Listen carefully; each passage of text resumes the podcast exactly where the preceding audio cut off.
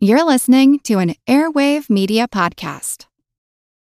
Spring? Is that you? Warmer temps mean new Allbirds styles. Meet the Super Light Collection, the lightest ever shoes from Allbirds, now in fresh colors. These must have travel shoes have a lighter than air feel and barely their fit that made them the most packable shoes ever. That means more comfort and less baggage. Try the super light tree runner with a cushy foam midsole and breathable eucalyptus fiber upper. Plus, they're comfy right out of the box. So, what can you do in a super light shoe? What can't you do is the better question. And because they're super packable, the real question is where are you taking them? Experience how Allbirds redefines comfort. Visit allbirds.com and use code SUPER24 for a free pair of socks with a purchase of $48 or more. That's A L L B I R D S.com. Code SUPER24.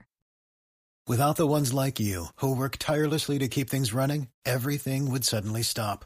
Hospitals, factories, schools, and power plants, they all depend on you.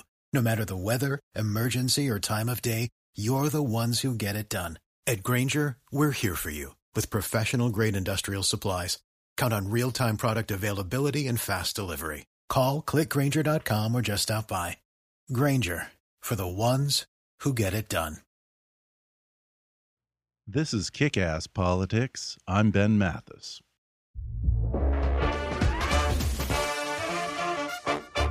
Before I start the show, I want to make two quick announcements. Over the next few weeks, I'm going to be doing a listener survey to get a better idea of who's listening out there. No matter how long you've been a listener or how frequently you listen to the show, I'd like to get to know you better and to get a better idea of what you want. So it'll be an enormous help to me if you'll fill out a short questionnaire at kickasspolitics.com or you can click on the survey link in the show notes to this episode. It'll only take 60 seconds and you can even fill out the survey anonymously if you want. It's just a few quick questions, and it'll help me better tailor content and advertising for you, the listeners. And the other way you can help out in a very big way is by donating to our fundraising campaign at gofundme.com backslash kickasspolitics or click on the donate button on our webpage. I'm ramping up to two shows a week now, and I've set an ambitious goal of funding all of our production costs for the coming year by the end of this month. It's a chance for you to participate in what I'm creating here, and there'll be some cool rewards for donating and chances for you to interact with me and the show. Plus, you'll get a thank you shout out on the podcast. So if you want to have amazingly good karma like Stan Kerr, Brent Smith, Ken Mullen, and Karen Vanek, then help me reach our goal by the end of the month and click on the donate link at kickasspolitics.com or go to gofundme.com backslash kickasspolitics. That's enough begging for now. Enjoy the show. And my first vote was for Ronald Reagan. Ronald Reagan, a great president. Ronald Reagan. Ronald Reagan. Ronald Reagan. Are we going to take the Reagan approach, running on the Reagan program? Ronald Reagan believed in America. Well, think if Reagan had said that during the Cold War. That was from the second Republican presidential debate at the Ronald Reagan Presidential Library a couple weeks ago. For three long, grueling hours, standing in front of the Air Force One plane that Reagan had used as president, 15 conservatives climbed on top of each other in an almost embarrassing competition to be the candidate who loves Reagan the most, the candidate who's the best keeper of the Reagan legacy, the candidate who'll govern most like Reagan, or who likes jelly beans the most. Governor John Kasich of Ohio humble bragged that when he was a congressman, he was pretty sure that he had traveled with Reagan on that very same Air Force One behind the stage. Rand Paul told a sentimental story about how when he was just a little boy, his father took him to meet Ronald Reagan. And Marco Rubio told a story about how his Cuban immigrant grandfather revered Ronald Reagan. Jeb Bush and Scott Walker tied for the most mentions of Ronald Reagan with five each. Of course, we saw how well that worked out for Walker. The only person on the stage who didn't name drop Ronald Reagan was Donald Trump. But hey, Trump only name drops Trump. Well, one well known conservative who was in the room that night says candidates need to stop asking, What would Ronnie do? and be their own man. He also says if Republicans want to win a 21st century election, they need to start looking toward the future instead of dwelling in the 80s. And here's the kicker, folks the guy who's saying all of this is Ronald Reagan's son, Michael Reagan. He's a best selling author, and for 26 years, he hosted a nationally syndicated conservative talk radio show. Today, he spends much of his time speaking and writing about conservative issues, and he's also founder and president of the Reagan Legacy Foundation, which, according to their website, seeks to advance the causes President Reagan held dear and memorialize the accomplishments of his presidency. But as he'll tell me in today's podcast, there's a big difference between memorializing Ronald Reagan and mimicking Ronald Reagan. Coming up in just a moment.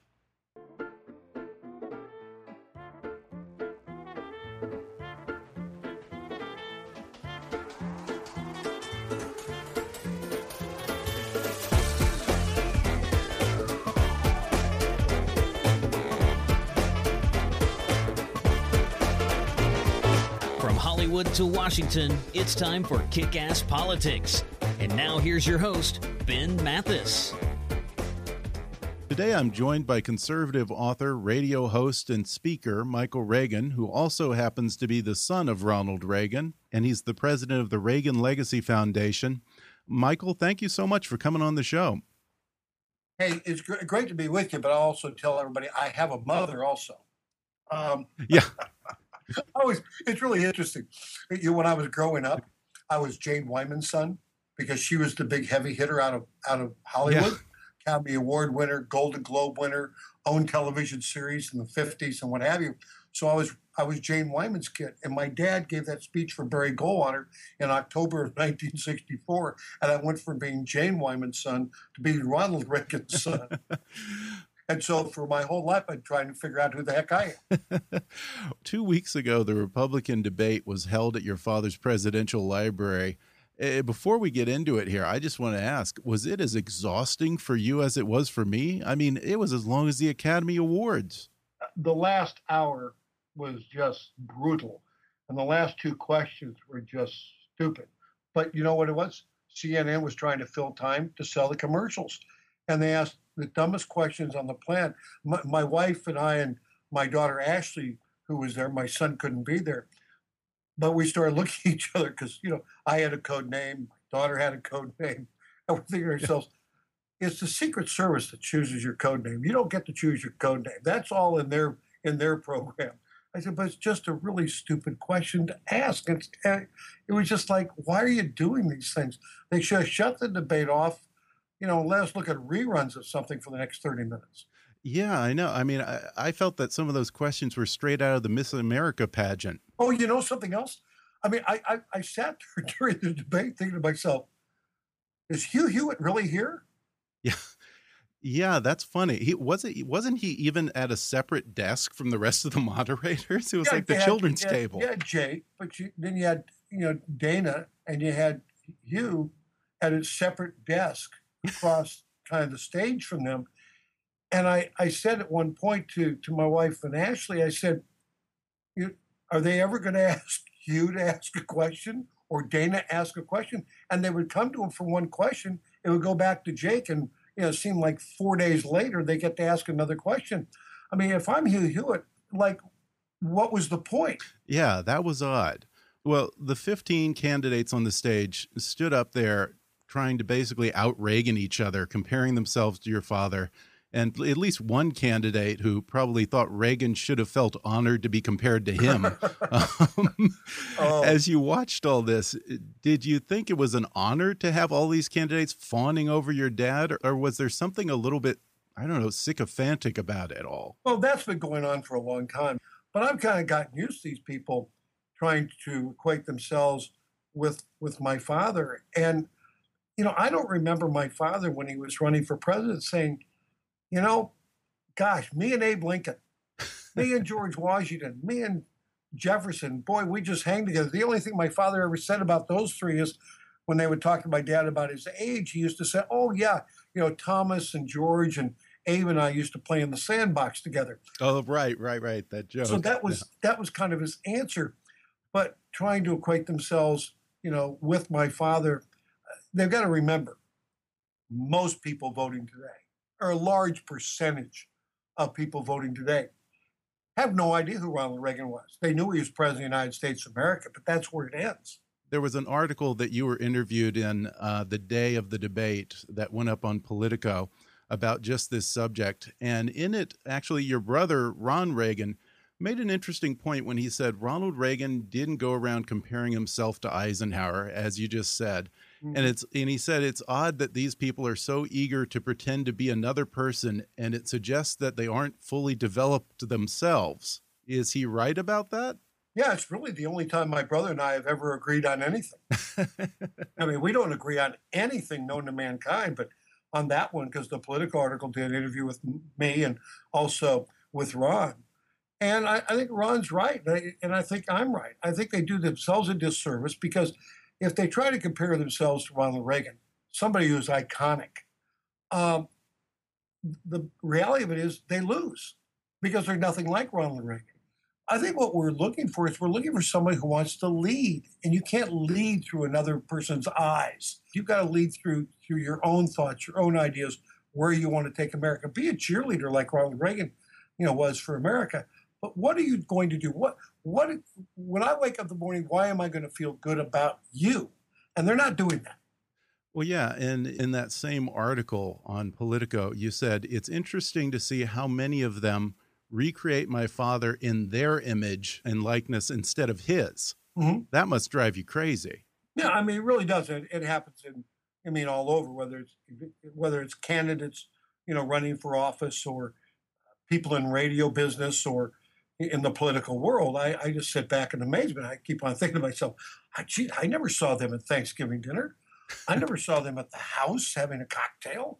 I never saw these people, but they seem to know more about my father than I do. And I find out when I Skype at my at Reagan World, what comes back at me sometimes is from people that have no concept who Ronald Reagan was.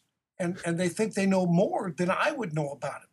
And it, it's amazing to sit there and, and watch all of this, in fact, go down, and it gets uh, mind numbing sometimes. Well, yeah, and I guess I guess that's the great tragedy uh, about no longer being on this earth. Is as soon as you're gone, people start rewriting your legacy, and you have no control over it.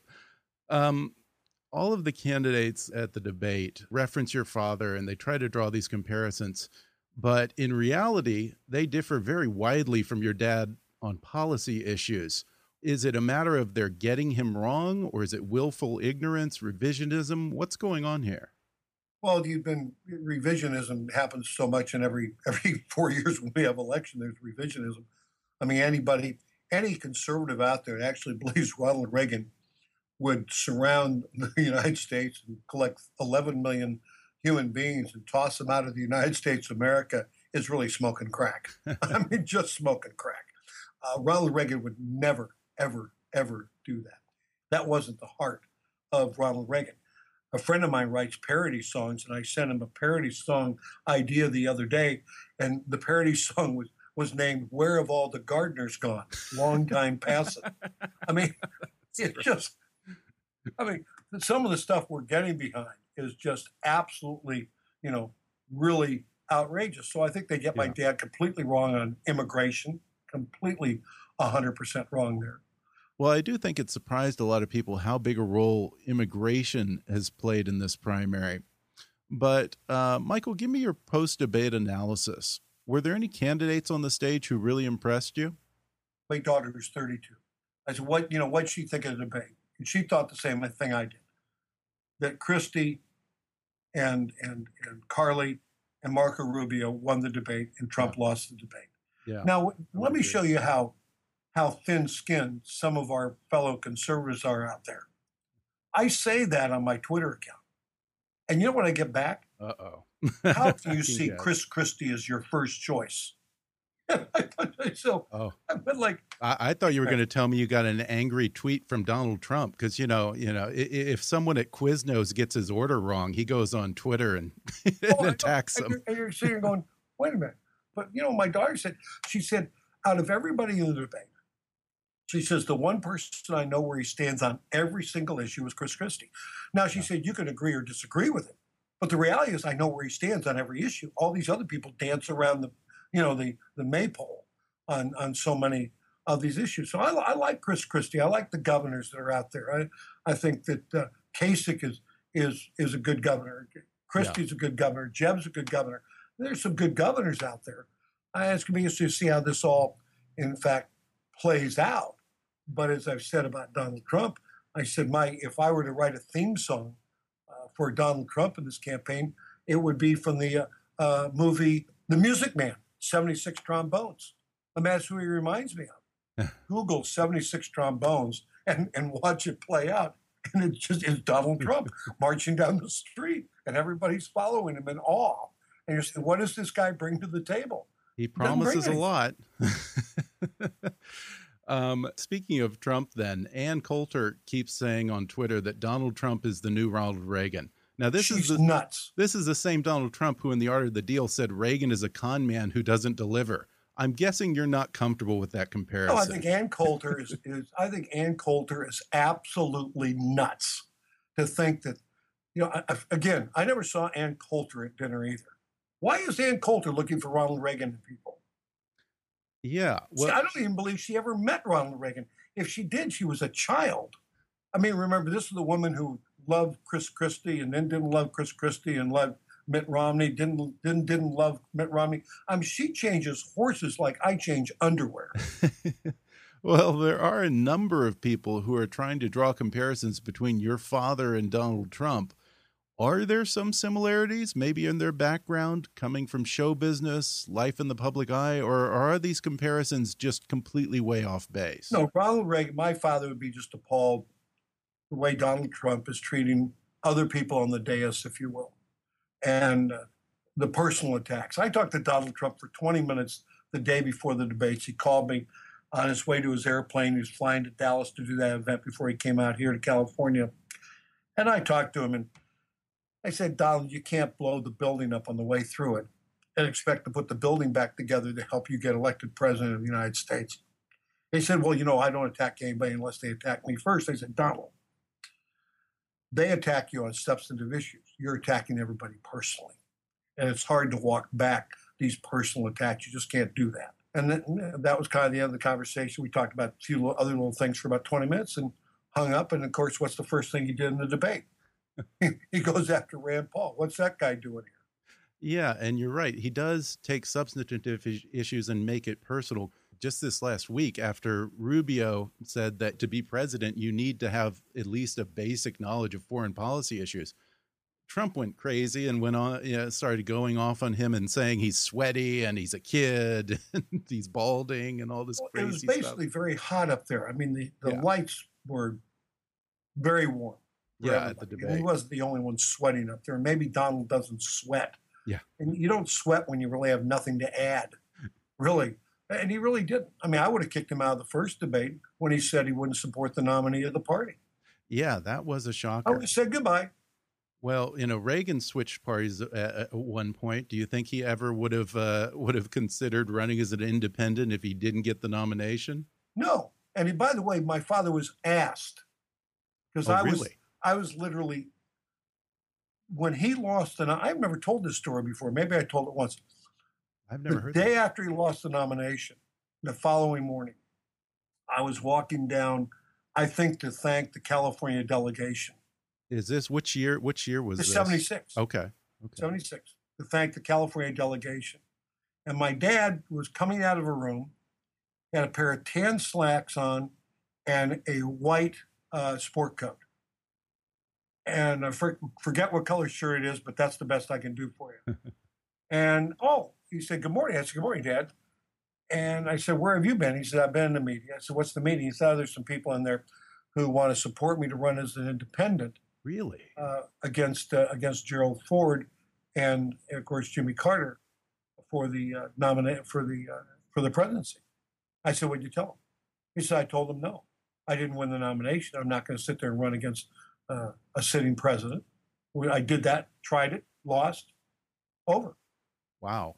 That's the first time I've ever told anybody, by the way. Yeah, I never know. even. Yeah, that's amazing. I've never yeah, I heard forgot that in my that life. story till that's asked me. incredible. Yeah, I tell people, I said, I don't know what I know until somebody asks me the right question, hits the right circuit in my head, and I go, oh yeah, I rem- gosh, I remember that. He walked out. We ran each other in the hallway, and I never knew that. And that was a big deal that he had nearly defeated an incumbent president for his party's nomination. I have to think that the offer of an independent run could have probably been pretty tempting considering that Reagan only lost the nomination by four states. He had a huge fundraising base and a lot of supporters who probably would have followed him.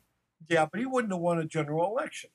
He would have he would have basically handed it to the Democrats. He went out and he worked for Gerald Ford. I worked for Gerald Ford. My sister Maureen worked for Gerald Ford.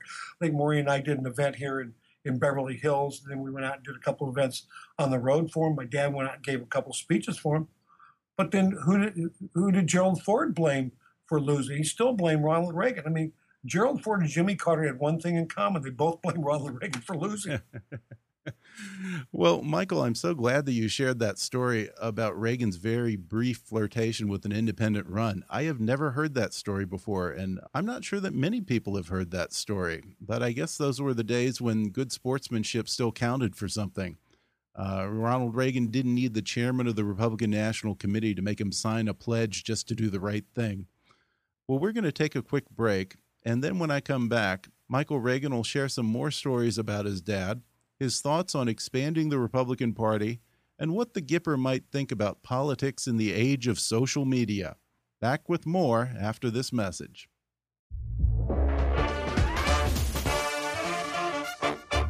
This portion of the podcast is brought to you by Audible. Audible has over 180,000 audiobooks available to download for your iPhone, Android, Kindle, or MP3 player.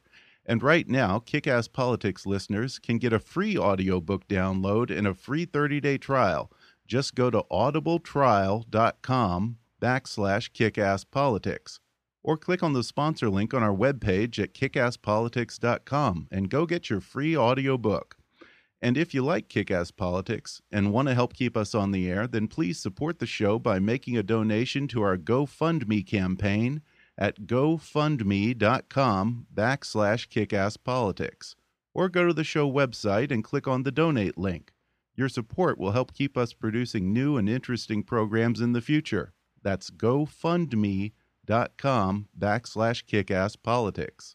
And now, back to the show. We're back, and I'm talking with conservative author, speaker, and radio host Michael Reagan. Michael, in the first half, we were talking about how many in the most conservative wing of the Republican Party have become obsessed with their own conservative purity tests and primarying any candidate who doesn't match up 100% with their values. And we also talked about how many conservatives kind of have a selective memory when it comes to your father, Ronald Reagan, on a number of the issues. All of which begs the question would Ronald Reagan be able to win in today's Republican Party? I mean, all this stuff that goes out about RINOs. He's a RINO. She's a RINO. We're all RINOs. I mean, and, and you sit there and go, my God. I said, Ronald Reagan never referred to somebody as a RINO. And, and, and Ronald Reagan, in today's world that we live in, if, if we're just looking at Ronald Reagan as governor of the state of California, and you look at the record as governor of California, which is a great record of what he did. What would some people in talk radio say about someone who had raised taxes as governor, signed an abortion bill as governor, signed no fault divorce as governor, and was, in fact, prior to being governor, the man was a union leader, and the union was the Screen Actors Guild. I mean, can you imagine what some people in the in the radio business or television business would be saying about that person today. And, and, and that's what's really kind of sad that, you know, Ronald Reagan looked at the whole of the person and he really believed in the 80 20 rule. It seems today we believe more in the 100% rule. If you're not with me 100% of the time, I'm with you none of the time. And that's just stupid. Well, yeah, he was actually willing to sit down to the negotiating table with a guy like Tip O'Neill and make things work. But you know, I, I often think many of these guys in Congress today, it seems the only tool that they have in their tool belt is just to pack up their marbles and go home, and that's not a strategy. Yeah, but it is. It's it's like you give me everything I want, or I'm, I'm going to close down government. On my op-ed piece that I I wrote this week, and it, it's coming out, deals with the the whole thing of, of Planned Parenthood. I agree with them with Planned Parenthood. You know, it's a terrible organization. What they've done, the videos are terrible. It gives us a lot of things to talk about if we're in, you know, the conservative media, if you will. But is this is this a hill you want to die on? Is this Yeah. a hill you want to fall on the old sword on? And you got to go, no, you can't. It, it may be great for your followers, but the, the only people talking about this issue is conservative radio, whether it's internet, Sirius, you know, or in the you know on the on the big stations syndicated across the country, or it's Fox News. And there's there's 16 million people, hardcore conservatives, that that are in the system. It's about 16 million. Well, there, 300 million people live here. Where's everybody else getting their news? ABC, NBC, CBS, CNN, all these other things, and they're not talking about it. And so, Yeah. you know, your group may be happy that you're talking about it. They may be saying, "Yeah, close down the government." But at the end of the day, Barack Obama doesn't get blamed for the closing down of government. The Congress always gets blamed, no matter if Ronald Reagan's the president or Obama's the president. The Congress of the United States always gets the blame. And what you want to do is shut down the government during holiday season? I really think that's kind of stupid. It's like the Republican Party is suffering from ADD right now because we're so easily distracted by these smaller things like Benghazi or or even immigration. It's like no one sits at home thinking about immigration every day, and then suddenly it becomes a huge Well, they- issue. I mean, people think about jobs. They they do think about immigration, but what Ronald Reagan did was this: Ronald Reagan had a large canvas, and he showed us a big picture of what he wanted to accomplish, and he never let anything stop him on the way to painting that canvas. Today, what we do is we argue about little tiny stuff, but we don't have a big picture. Yeah. Ronald Reagan said, "What? I want to bring down the Berlin Wall. I want to lower taxes and end the Cold War." Boom. Three things he wanted to do. He didn't want to do a hundred. He didn't want to do a thousand. He didn't have a 59 point plan. Buy, buy my book and read it when most people don't read today. He said, I want to do three things. That's what I want to do. A while back, I did an episode uh, with uh, Dr. Stephen Hayward, who's written a couple of books on your dad. And it, we did an episode on Reagan's A Time for Choosing speech. And in that speech, he didn't mince words. Uh, you know, that, that wasn't mourning in America back then. He was fired up and essentially saying America was going to hell in a handbasket if we didn't change course. What's the difference between the anger and the disillusionment that he was tapping into back then and the anger that Trump is trying to tap into today? You know, back then we had ABC, NBC, CBS. So we had we had the big three. Yeah, everybody else. There was nobody else in the building. Talk radio had just really begun on KABC here in Los Angeles. So really, you didn't have the churning of the anger. You know, everybody, everybody since talk radio got into it, and and now cable into it, internet into it, hmm. Sirius into it. Everybody's trying to become their own National Enquirer. National Enquirer, number one selling newspaper in the world. Why? It tells you bad news, doesn't tell you good news. It tells you all the bad news. And I think today, in the world that we live in, it, you know, things that happen are just exacerbated by that medium. And so you have, you know, a, a place where conservatives can go and others can go. Liberals can go to MSNBC, conservatives go to Fox News or Talk Radio or wherever it might be. And they get all their things that they've been thinking all churned up and basically verified. Hey, there's somebody else that thinks like me. And Trump taps into that. I think of Trump, you know, I think of Trump most, if there was going to be another party, political party, I would refer to it as the talk radio party, Yeah. and Trump would be their first nominee. And this is interesting because you're saying this as someone who was a talk radio host for what, 15, 20 years or so? 26 years. 26 years. Yeah. yeah. 26 years, but you, it is. You, you tap into the, it's about making phones ring. That's what it's about. It's about, you know, bringing listeners to. And it's not that I don't believe much of the same stuff. I do. But I, I look at it from a different, you know, I'm trying to look at how do you, how do we get elected? How do we win the presidency? So I'm almost looking at it like the same way I did when I was consulting my father when he was running for president. You know, I'm the guy who fired Roger Stone, Paul Manafort, Charlie Black, and John Sears on the morning of the New Hampshire primary in 1980. I'm the guy Ronald Reagan called to approve the press release firing his complete campaign staff on that morning. My sister and I were both kind of, you know, consultants to dad. Not that we're hired that way because we weren't. But my father knew that he could talk to Maureen and I, or we could call him on the phone and give them input. My sister's the one uh, responsible for Sandra Day O'Connor uh, being named to the Supreme Court, not by name only, by name, but the fact it was my sister who actually cut a deal with her father to come off the campaign trail for the Equal Rights Amendment back in 1980. Uh, the staff had asked her to come off that because Equal Rights Amendment and Republican women like oil and water. And uh, yeah. they asked what it would take to get Maureen to stop campaigning for the Equal Rights Amendment. And she said very simply, if you can get your candidate to guarantee me his first appointment to the Supreme Court will be a woman, I'll stop campaigning for the Equal Rights Amendment today. And as soon as she got that out of her mouth, their candidate, her father, sitting in the room, said deal. And her and my sister and my father shook hands. That deal was made. My sister never campaigned for the Equal Rights Amendment during the whole campaign of 1980. My dad's elected, first appointment to the Supreme Court, Sandra Day O'Connor. Yeah, he grew the party, and he was a big tent Republican who put effort into reaching out to women and minorities and young voters. Are conservatives no longer in the business of actually trying to win elections? Are, are we becoming a very, very small tent? No, conservatives need a leader or an enemy. Liberals are led by ideology. Conservatives need a leader or an enemy. They need someone they can coalesce behind. So if you have a leader, like a Ronald Reagan, for example, that you can coalesce behind, that's great. If you don't, you need an enemy. right now, the enemy is immigration. Uh, a year or so ago, I was speaking at an event uh, in West Palm Beach, Florida. I said to myself, when my father was president, this, this party was much more inclusive than it is today. It's become very exclusive. I then invited all the blacks and Hispanics in the room. Would you please now rise? And everybody looked at each other. And I said, You notice the only blacks and Hispanics in this room are standing serving you breakfast?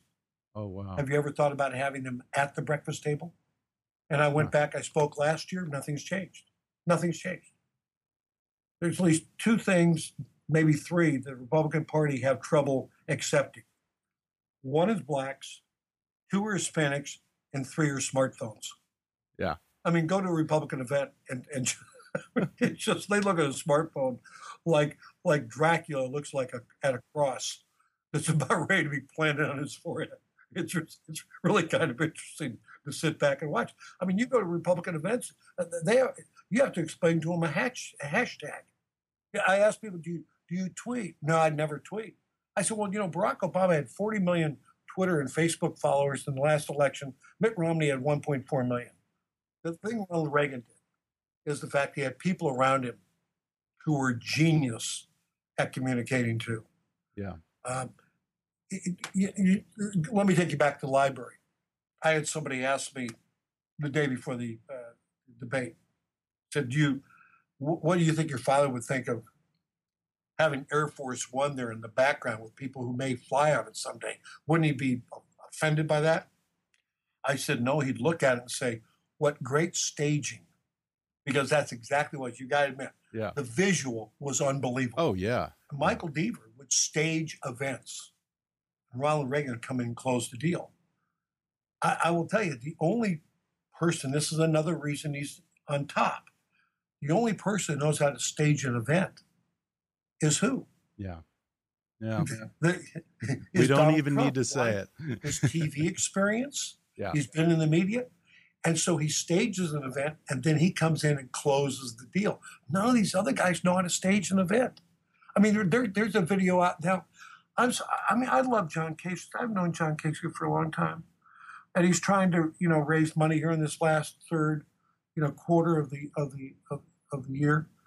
But to have a video on of him just looking like an idiot dancing is just so stupid. Yeah. Michael Deaver would never put Ronald Reagan in that position. You don't show your candidate looking like an idiot. Yeah, Reagan was always very careful to always look presidential and never to expose himself too much and become, you know, because now in this Twitter age and this age of social media and reality TV, I feel like so many of these candidates um, feel this pressure for the voters to have to know them on some intimate level. Yeah, I mean, yeah, it's it's it's you know how you walk into a room. Do you own the room? And when you leave, do you own the room? And the only person in these this campaign at this point that really owns the room when they walk in is Donald Trump. I would say probably the other person who owns the room, at least owns half the room when he walks in, is probably like a Marco Rubio. Yeah. It's about owning the room. Yeah. And if you don't own the room, you're not going to go anywhere. Uh, are there any of these guys that you see a little bit of your dad in? I don't look at it that way. I, I, I do not look at people and say, are they close to Reagan? Otherwise, they have them take me home. Adopt me. I'm available. I mean, I, I just don't. I mean, you, you have Rick Perry was probably Rick Perry is probably as close as anybody. He's a cowboy. You know, buys his buys his cowboy boots the same place my dad had cowboy boots. Wears the same size Stetson hat as my dad wore. I mean, that's as close as Rick Perry is going to get. But that doesn't make you, you know, Rick Perry can't communicate. He gets up on stage, turn the red light on, and he just doesn't communicate. I'm willing to help every one of these candidates. They want to talk to me. And the only one who used to talk to me a little bit was like, oh, quite a bit was like a Rick Perry and, and what have you. Uh, but what happens to me, I get caught up in the fact of, you're Ronald Reagan's son. What else do you do? I mean, I. well, I'd like, what else do you? You're Ronald Reagan's kid. What else do you do? And my joke is, I said, you know, I said, I'm the guy that walks into a bank, robs the bank, shoot and kills six tellers. I walk out of the bank, and the police officer there is there to arrest me, and he sees me. He says, "Oh my God, your father was the greatest president this country ever had. my wife is not going to believe who I'm arresting today. Can I get a selfie?" Yeah. and I'd be going, "No, I just killed six people in the bank." Yeah, that's a great. I know. Uh, a get out of jail free card. I, can I, I gotta, I gotta send this picture to my wife and to my father. My father voted for your dad four times. He's not going to believe I'm arresting you. Well, yeah. You, I have to ask you, and I'm the biggest hypocrite in the world for even bringing this up now after we've been talking, and I've probably said this a dozen times. Do you ever get tired of people asking you, what would your father think about this? Dot, oh, dot, no. dot. It, you, you know what you do? You just finally just accept it. I, I, I guess I can tell you. I mean, I emailed uh, Jeb the other day because like, I've known Jeb longer than anybody in the building. Oh well, yeah, yeah, you, yeah, and, the Reagan Bush connection. And I emailed Jeb and I said, Jeb, listen, I said, you and I have a lot in common, but one of the things we do have in common is the fact that we both are sons of former presidents of the United States. We're from a very small minority. When you think my dad was number 40, your dad was number 41, your brother number 43. So think about yeah. it. We started, you start the presidencies back in the 1700s. So from 1700s to 2016, there's only been 44 first families. I mean, that's a small group of people. You guys need to have a barbecue every summer or something. I, I agree with you. I have to try and do that. And the and I said, you know, what you seem to be doing is trying to run away from who your who your family is. Yeah. I said, you know something, I, I tried to run away for a long time. And you it just it's not gonna happen. You gotta learn to embrace it. Embrace the heroics and the hero that your father is the biggest applause you got the, at the debate at my dad's library is when you said my my brother kept this place safe for seven years. Yeah, they I said you need to embrace that. who they are. And I said I think if you embrace them in that way, you'll be more comfortable in choosing your words when you're out on the campaign trail. I think you're trying so much to differentiate yourself from them. You've bought into the liberal gobbledygook that they're bad people. They're wonderful people. Well, I think the takeaway that you're giving us here for candidates is to be your own man and stop trying to fill someone else's shoes. Because if you try to do that, you're only going to disappoint. I mean, it is. As I said, I could rob a bank. I'm still Ronald Reagan's son. I mean, yeah. it's just, you know, that's just, that's the way it is. And uh, you can either run away with it, run away from it, uh, or you can say, you know, something. Yeah, I'm Ronald Reagan's son. I'm, I'm pretty, pretty lucky that uh, you know, they adopted me into the family after I was three days old, and and here I am. And like I tell people when I go speak, hey, if the Reagans don't adopt, they don't have a conservative child. yeah, that's true. Yeah, that must be a, an interesting Thanksgiving dinner. well, it used to be. yeah, I can only imagine. Um, well, Ronald Reagan was a man who had a vision and always said our best days were ahead rather than copying Ronald Reagan, are there some things that Republicans would do well to study about articulating a forward looking strategy? You really have to be a visionary. How do you see America? How do you see? We have a president who wakes up every morning and blames America for something. I mean, he negotiates from a position of America's wrong. What can we do to right the ship? Ronald Reagan woke up every morning where America is right, and God put her here for a purpose, and negotiated from that position. And and so, you know, I want to know from the from these candidates when you wake up in the morning, how do you see America? Forget how you see yourself. I don't care how you see yourself. But how do you see America first? Yeah. How do you see America?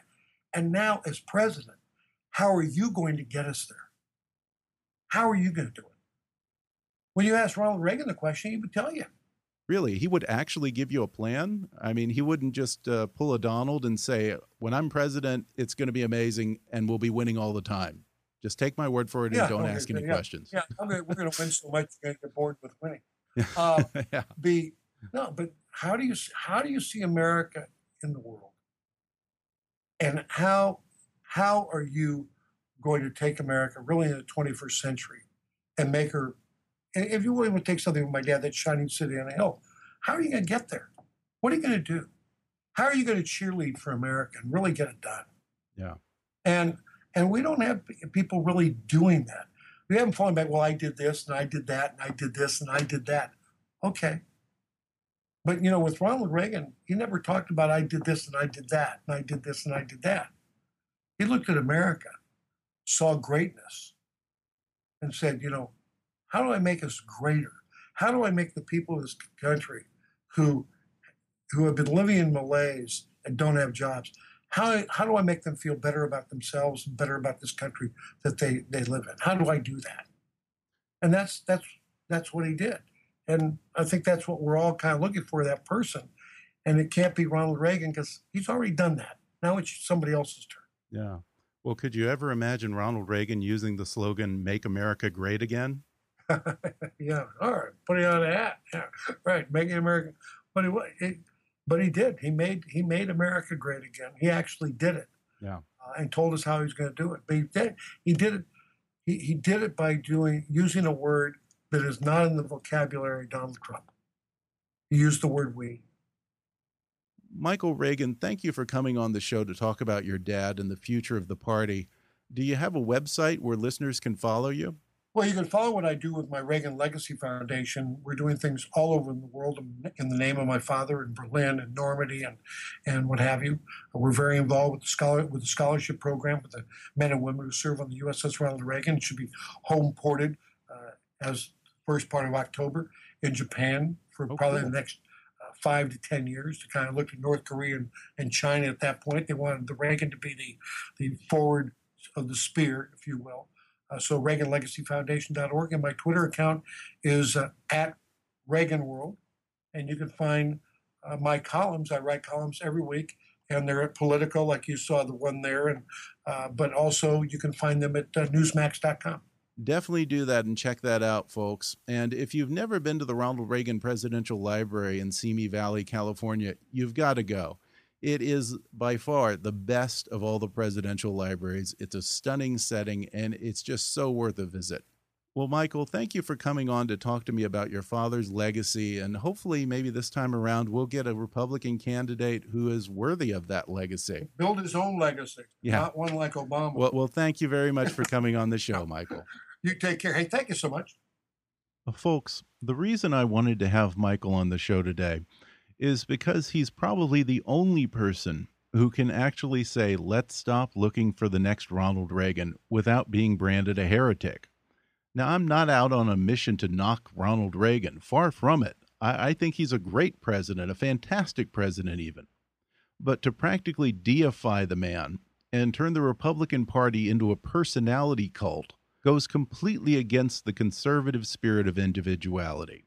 Not only that, but it ignores the long history of conservative accomplishments before and after Reagan, and it implies that without Ronald Reagan, we wouldn't have much to stand on.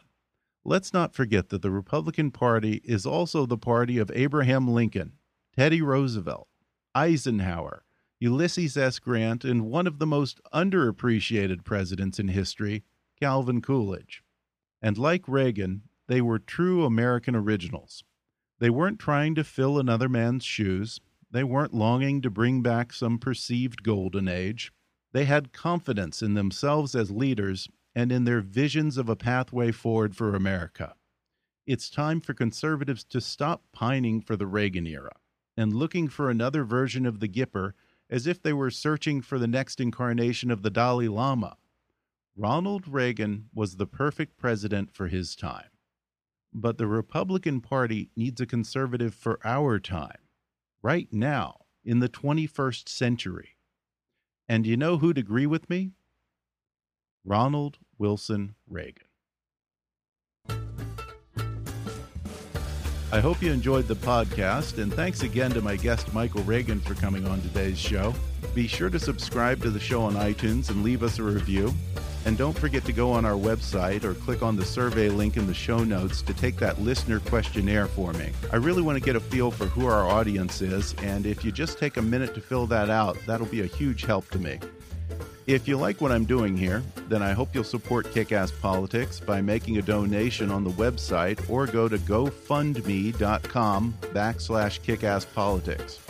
Because starting last week, we're now ramping up to two podcasts a week, but that also means it's costing twice as much, most of which comes out of my pocket, to be honest, and I'm happy to do the show because I enjoy this. But if you want to pitch in, that's always greatly appreciated and really shows me that you value the effort that I put into this every week. So if you want to help out, you can donate on the website or go to gofundme.com backslash kickasspolitics. And as always, I welcome your comments, questions, gripes, and suggestions at comments at kickasspolitics.com. But for now, I'm Ben Mathis, and thanks for listening to Kickass Politics.